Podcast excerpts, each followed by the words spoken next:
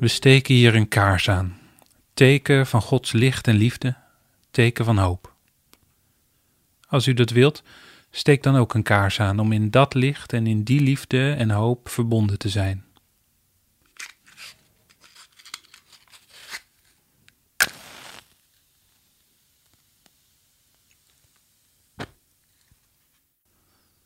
Hartelijk welkom bij deze podcastviering. Omdat we niet kunnen samenkomen. Omdat contact en samen zijn risicovol is. Omdat we willen voorkomen dat de zorg overbelast raakt. Zo zorgen we dus voor elkaar, nu, door afstand te houden. Maar ik weet niet hoe het bij u is, maar ik ben gedesoriënteerd. Een beetje in de woestijn, noem ik het maar. Ik vind het onduidelijk waar we naar op weg zijn.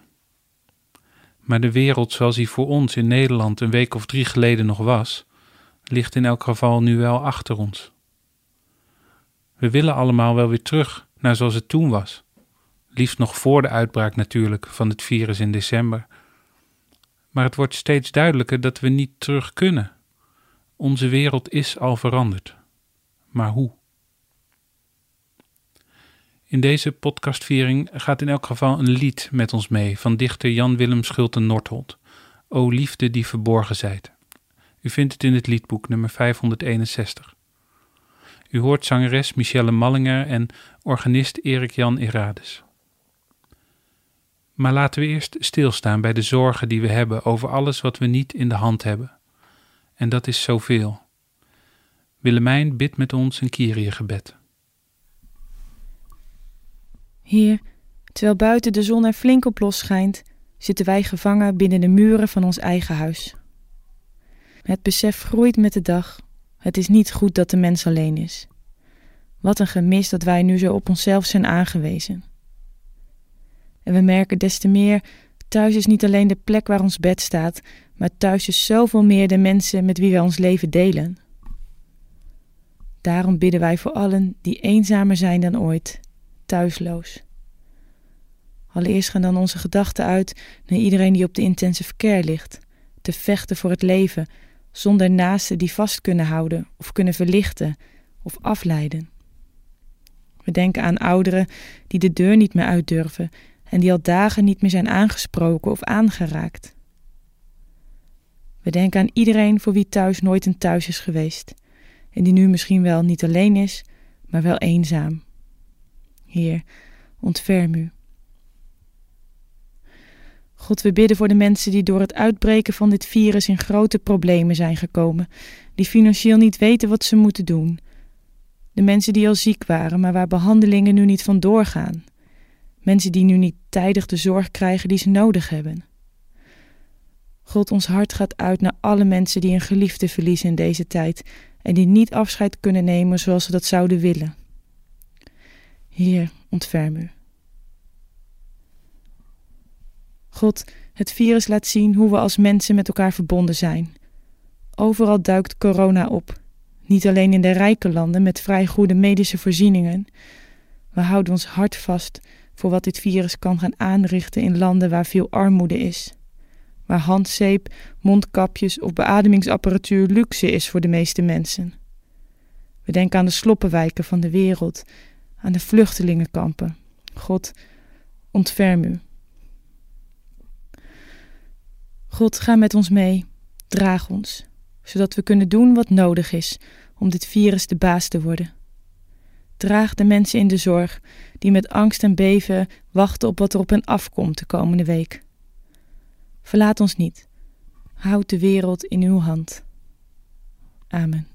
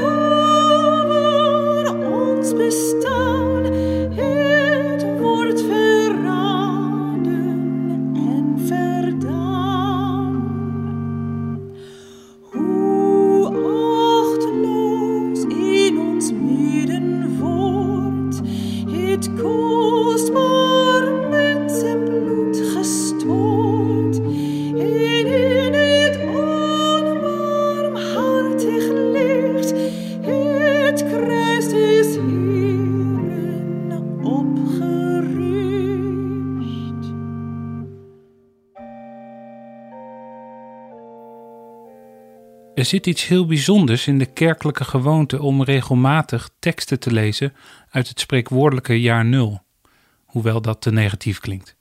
Maar het lezen van oude teksten haalt je wel een soort van uit de tijd. Je stapt ermee een wereld in die niet de ons is en een tijd die ook niet de ons is. Het enige dat ons verbindt met die verhalen is dat ook die verhalen gaan over mensen en ze gaan over God. En zou het nu niet gelegen komen als we eens heerlijk even uit deze tijd konden wegstappen, een andere wereld in, ons even onderdompelen, weg uit ons isolement? Ik had het wel gewild en we zullen dat ook doen, behalve dat de lezing voor deze zondag, waarbij ik het alternatieve leesrooster voor de 40 dagen tijd volg, ons een verhaal uit het Bijbelboek Exodus geeft. En wel over de tien plagen in Egypte. Daar komt nog bij dat Exodus het Bijbelboek is waarin de bevrijding van het volk van Israël uit de slavernij centraal staat. Hoewel we tot nu toe vooral vrijwillig in ons huis zijn opgesloten en we ons dus misschien niet direct met slaven identificeren, komt het verhaal van gevangenschap al wel dichtbij. En als we lezen over de tien plagen in Egypte, moet u misschien ook wel denken aan die berichten over de sprinkhanenplaag in Oost-Afrika van een week of drie geleden. Dat nieuws is inmiddels weggedrukt door het nieuws over de corona, maar ik vrees dat die sprinkhanen zich niet zo makkelijk laten verjagen. Het verhaal van de plagen komt ook dichtbij omdat een plaag iets is dat een heel volk treft, zelfs over grenzen heen. Evengoed hadden we deze week over de coronaplaag kunnen spreken, maar het woord pandemie is ervoor in de plek gekomen. Pandemos is Grieks voor heel het volk. Alle mensen zou je ook kunnen zeggen. Zo blijken die oude verhalen ons veel dichterbij te staan dan we misschien denken. Laten we horen hoe onze voorouders hun geschiedenis geduid hebben. Mozes is al zes keer bij de farao geweest om de vrijlating van het volk van Israël te vragen. En na het tegen elkaar opbieden met wonderen en plagen, gebeurt er nu steeds hetzelfde. De farao toont berouw en belooft een vrije uittocht aan het volk, maar steeds bedenkt hij zich weer. En onderhand worden de lasten voor het volk opgevoerd en wordt hun leven in Egypte steeds zwaarder. We komen het verhaal binnen bij de zevende plaag. De Heer zei tegen Mozes: Wacht de farao morgen in alle vroegte op en zeg tegen hem: Dit zegt de Heer, de God van de Hebreeën: Laat mijn volk gaan om mij te vereren. Dit keer tref ik u zelf, uw hovelingen en uw volk met mijn zwaarste plaag. Dan zult u beseffen dat er op de hele aarde niemand is als ik. Ik had mijn hand al lang naar u en uw volk kunnen uitstrekken en u met de pest kunnen treffen. Dan was u al van de aarde weggevaagd. Maar ik heb u alleen in leven gelaten om u mijn macht te tonen en om iedereen op aarde te laten weten wie ik ben. Als u mijn volk nog langer dwarsboomt en het niet laat gaan, zal ik het morgen om deze tijd in Egypte zo zwaar laten hagelen als het nooit eerder heeft gedaan, vanaf de dag dat Egypte ontstaan is tot nu toe. Laat daarom uw vee en alles wat er verder nog buiten is in veiligheid brengen, want alles wat buiten blijft, mens of dier, wordt door de hagel getroffen en komt om. Sommige hovelingen van de farao namen de woorden van de Heer ernstig en brachten hun slaven en vee binnen in veiligheid. Anderen sloegen er geen acht op en lieten hun slaven en vee buiten.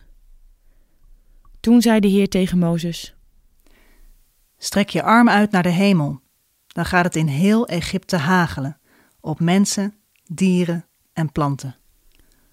Mozes hief zijn staf naar de hemel, en toen liet de Heer het donderen en hagelen. Er schoot vuur naar de aarde, en de Heer liet de hagel op Egypte neerkletteren. Zo'n zware hagelbui, waarbij onophoudelijk de bliksem flitste, was er in Egypte nooit eerder gevallen, zolang het volk bestond. Overal in Egypte sloeg de hagel neer op alles wat buiten was. Op mensen, dieren en planten, zelfs de bomen werden vernield. Alleen in Gozen, het gebied waar de Israëlieten woonden, hagelde het niet. Toen ontbood de farao Mozes en Aaron en zei: Ditmaal erken ik dat ik gezondig heb. De Heer staat in zijn recht. De schuld ligt bij mij en mijn volk. Bid tot de Heer dat hij een eind maakt aan die vreselijke donder en hagel. Dan laat ik jullie gaan en hoeven jullie hier niet langer te blijven. Mozes antwoordde: Zodra ik de stad uit ben, zal ik mijn handen opheffen naar de Heer. De donder en de hagel zullen ophouden, zodat u beseft dat de aarde aan de Heer toebehoort. Maar ik weet dat u en uw hovelingen nog steeds geen ontzag hebben voor God, de Heer. Het vlas en de gerst waren kapotgeslagen, want de gerst stond al in de aar en het vlas in de knop. Maar de tarwe en de speld werden niet vernield, want die rijpen later. Mozes verliet het paleis en zodra hij de stad uit was, hief hij zijn handen op naar de Heer. En toen hielden de donder en de hagel op en stortte de regen niet langer neer. Toen de farao merkte dat de regen, de hagel en de donder voorbij waren, viel hij terug in zijn zondige houding. Hij was onverzettelijk, net als zijn hovelingen. Hardnekkig bleef hij weigeren de Israëlieten te laten gaan, zoals de Heer bij monden van Mozes had aangekondigd.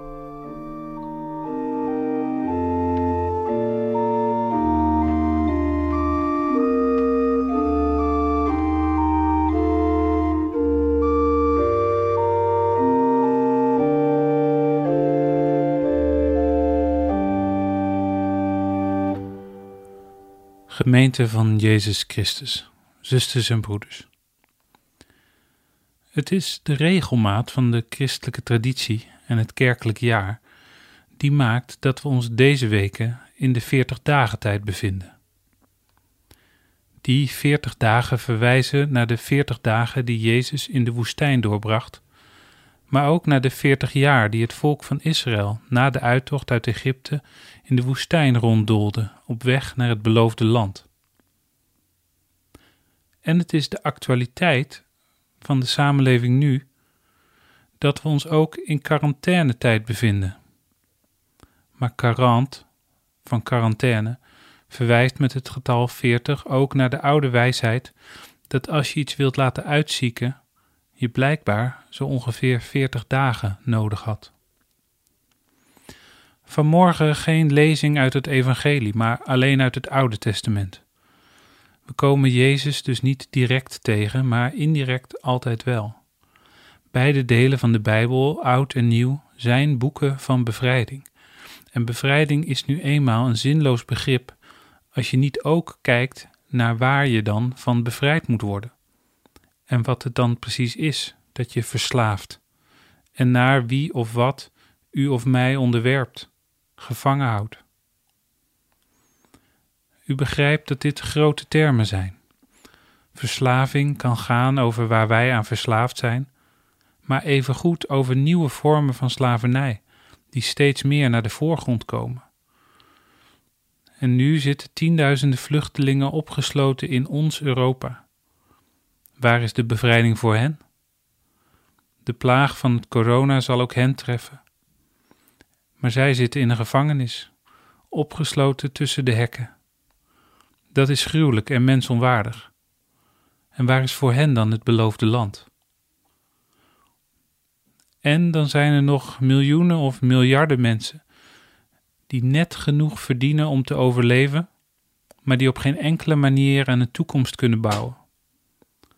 Ook gevangen mensen. Iemand berekende onlangs dat er voor iedere Nederlander ergens anders op de wereld anderhalve slaaf aan het werk is, om ons van goedkope spullen te voorzien. Dus wij zijn allemaal een beetje farao's. En tegelijkertijd zitten wij ook allemaal nu een beetje of heel erg gevangen in ons isolement, in onze afzondering. En waar is die bevrijding dan? Komt die pas na deze plaag? Of is dit nog maar de eerste of de tweede plaag? U ziet, het is veel te groot en veel te veel om dit oerverhaal zomaar naar nu te vertalen. En toch, als je verhalen leest, doe je zoiets altijd wel. Je haalt ook een verhaal naar nu. Ik hou het er eerst maar op dat verslaving gaat over wat onvrij maakt dat het gaat over beloftes die niet nagekomen worden en die alleen maar bedoeld waren om je rustig te houden. Verslaving gaat over wanhoop en onrecht. Vrijheid gaat dan dus ook niet over kunnen doen waar je zin in hebt, maar over dingen kunnen doen waar je zin aan ontleent, waar je zin van krijgt. Vrijheid is een zinvol bestaan. Weten dat je je met hart en ziel aan iets kunt verbinden omdat het goed is, omdat het het beloofde land dichterbij brengt. En vrijheid is dus spannend, omdat het zich verzet tegen onvrijheid en tegen verslaving. Vrijheid is de ruimte om in beweging te komen en op weg te gaan, in alle onzekerheid. Het verhaal van de tien plagen waar we uit lazen, wordt vaak gezien als een perfect voorbeeld van een oppermachtige God die een mooie kans ziet om zijn wapenarsenaal eens even een beetje uit te testen op een volkje naar keuze. En wat is dat dan voor een God, die in die tiende plaag alle eerstgeborenen in Egypte uitroeit? En wat voor God is dat dan die de wereld van vandaag treft met de plaag van het coronavirus? En als dat een goddelijke straf is, wat vertelt die straf ons dan? Moeten we ons dan massaal bekeren? Of zijn we ons al massaal aan het bekeren? Van al deze spectaculaire vragen wil ik vanmorgen eigenlijk ook maar eens even minstens anderhalve meter afstand houden. Het zijn vragen die veel klinken, maar die niet helemaal kloppen. Ze zijn niet zuiver gesteld. Het zijn vragen van een verstand dat er toch al niks van geloofde en er toch al niks van verwachtte. Laten wij zoeken naar een verstaan van ons hart, dat zoekt naar hoop en verwachting. Als we uit de Bijbel lezen vanuit het hart, dan zien we in het verhaal van vanmorgen een ontmoeting tussen twee mensen, die maatschappelijk gezien mijlenver van elkaar verwijderd zijn. Die machtige farao aan de ene kant, de man die alle middelen tot zijn beschikking heeft. En aan de andere kant de machteloze Mozes, die met niets meer dan een belofte van een onzichtbare God de confrontatie met de farao aangaat en tegen hem zegt: Laat ons gaan. Mozes is objectief kansloos. De farao heeft geen enkele reden om dit slavenvolk te laten gaan. In de wereld zoals hij is, heeft de farao eigenlijk alleen maar te verliezen.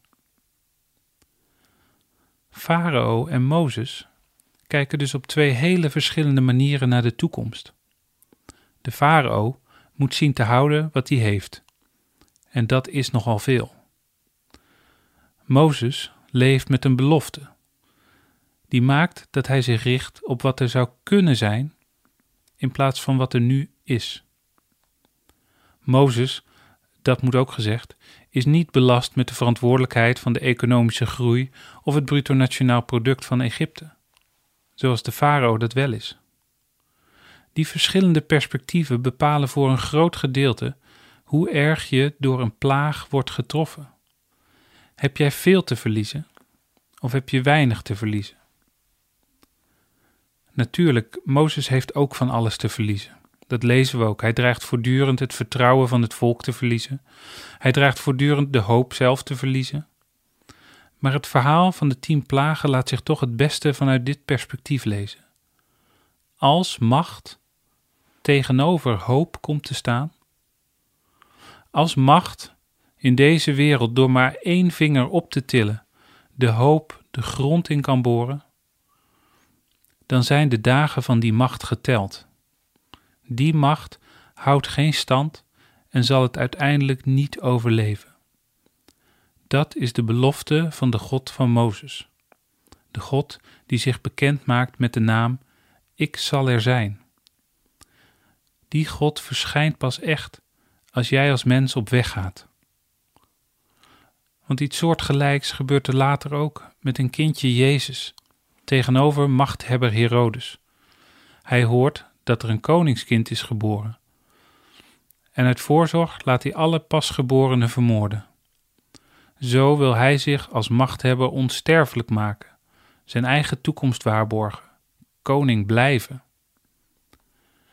Christenen zijn denk ik mensen die hun hoop niet vestigen op zo'n macht, maar die willen leven uit een belofte. En die daarom meer belofte zien in een kindje in een kribbe als koning dan in Herodes. Net zo is Mozes in dit verhaal meer onze leider dan die farao. Tijdens de tien plagen wordt steeds duidelijker hoe letterlijk hopeloos de macht van de farao is. Hij is een rekenaar, hij is een teller. Want dat word je als je veel hebt om te tellen. Zijn oogst raakt door de hagel vernietigd en dat doet wel pijn, maar hij weet dat de speld en de tarwe niet zijn geraakt. Hij weet dus dat hij het ook nog wel even uithoudt. De economie redt het wel. Dus hij kan de slaafjes houden. Je wordt ook geen farao door Sinterklaas te spelen natuurlijk. Voor wie hopeloos tellend en berekenend leeft, is iedere grote verandering een mogelijke plaag die jouw controle ondermijnt. Voor wie niets te verliezen heeft, is iedere verandering eerder een kans op winst. Is dit dan de manier waarop we dit verhaal naar nu kunnen vertalen? Nee, die vergelijking loopt op zoveel manieren mank. Zouden we, vluchtelingen in de kampen in Griekenland, nu niet het beste met het volk van Israël in Egypte kunnen vergelijken, dat leefde in Goshen? Laat die mensen toch gaan, op weg naar hun beloofde land. Maar is Europa voor vluchtelingen eigenlijk wezenlijk anders dan Egypte? Kwam vader Jacob niet generaties voor Mozes als economische vluchteling naar Egypte toen er hongersnood bij hen heerste en de graanschuren in Egypte gevuld waren? Ongetwijfeld was Egypte toen voor hen even het beloofde land. Vader Jacob vond er zijn geliefde zoon Jozef terug als onderkoning. Maar zo kan het dus gaan. Een beloofd land kan door de tijd heen tot een plek van slavernij worden. Het enige dat misschien wel overeind blijft in het beeld en in de beweging in het Bijbelboek Exodus voor nu, is dat op een moeizame bevrijding ook nog eens een keer een tocht door de woestijn volgt. Als een nieuwe werkelijkheid aanbreekt, volgt een tijd van niet weten.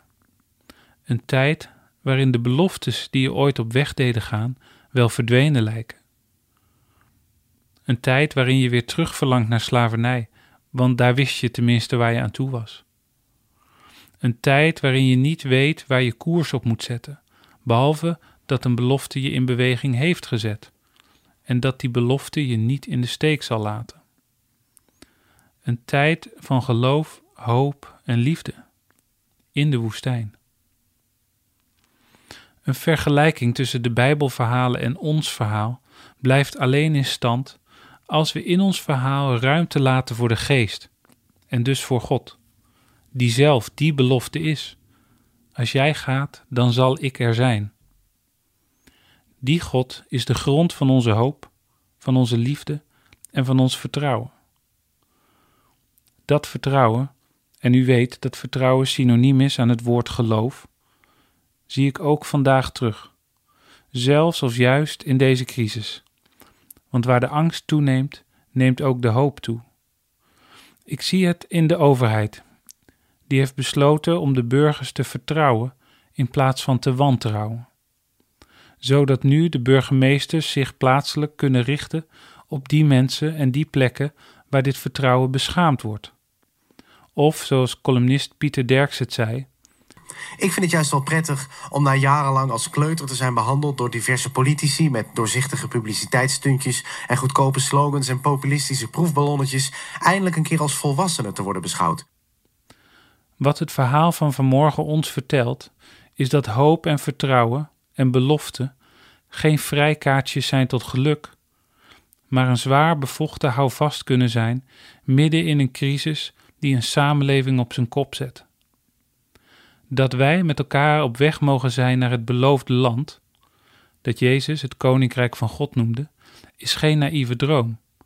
Het is de enige belofte die als mens onder de mensen doet leven. Amen.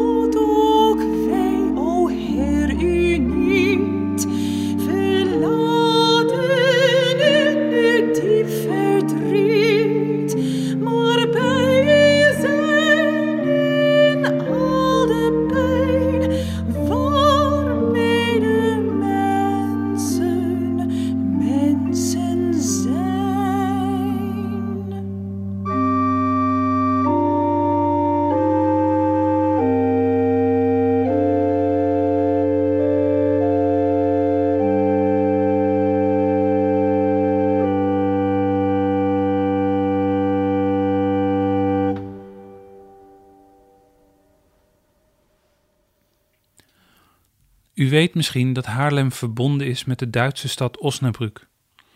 Dat geldt ook voor de kerken. Er is een onderling contact waarin we elkaar jaarlijks opzoeken. Mijn Duitse collega Jan-Henry Wanink belde mij deze week om te vragen hoe het hier ging. En ik was benieuwd hoe het nu daar is. In die verbondenheid praat hij ons nu heel kort bij over het leven deze dagen in Osnabrück. En ik zal namens Haarlem hetzelfde doen in hun podcastviering. Tot slot geeft dan hij ook ons de zegen mee. Lieve mensen in Haarlem, beste buren. In Osnabrück schijnt al dagen de zon en dat doet goed. Ook hier ligt het openbaar leven sinds maandag compleet stil. Mensen mogen alleen om goede redenen het huis uit, zoals naar het werk gaan, boodschappen doen of ook een wandeling maken. Maar ook dat nooit met meer dan twee mensen. Behalve de supers en vergelijkbare winkels is alles dicht. Horeca, scholen, de universiteit. De productie van Volkswagen en andere grote werkgevers is stopgezet. Het is stil in Osnabrück. Het is stil en toch rustig. Mensen praten opeens met de buren. Er ontstaan talloze initiatieven voor hulpverlening en het doorbreken van de eenzaamheid. Bijna iedereen ziet en accepteert de noodzaak van de maatregelen. In Osnabrück zijn er op het moment zo'n 200 inwoners die het coronavirus in zich dragen. En er zijn meer dan 160.000 inwoners die zorgen en angst in zich dragen over wat er ons nog alles te wachten staat. Maar ook meer dan 160.000 inwoners die rustig blijven, die de kostbaarheid en de kwetsbaarheid van een vrije en vreedzame samenleving zien en waarderen. Wij wensen jullie in Haarlem veel sterkte, gezondheid en vertrouwen in elkaar. We zien uit naar het licht van Pasen. Op Goede Vrijdag zal het precies 75 jaar geleden zijn dat de Duitse theoloog en verzetstrijder Dietrich Bonhoeffer geëxecuteerd werd. In zijn boek Verzet en Overgave schrijft hij: Niet alleen de angst is besmettelijk, maar ook de rust en de vreugde. Mogen de Heer u zegenen en u beschermen. Mogen de Heer het licht van zijn gelaat over u doen schijnen en u genadig zijn. Mogen de Heer u zijn gelaat toewenden en u vrede geven. Amen.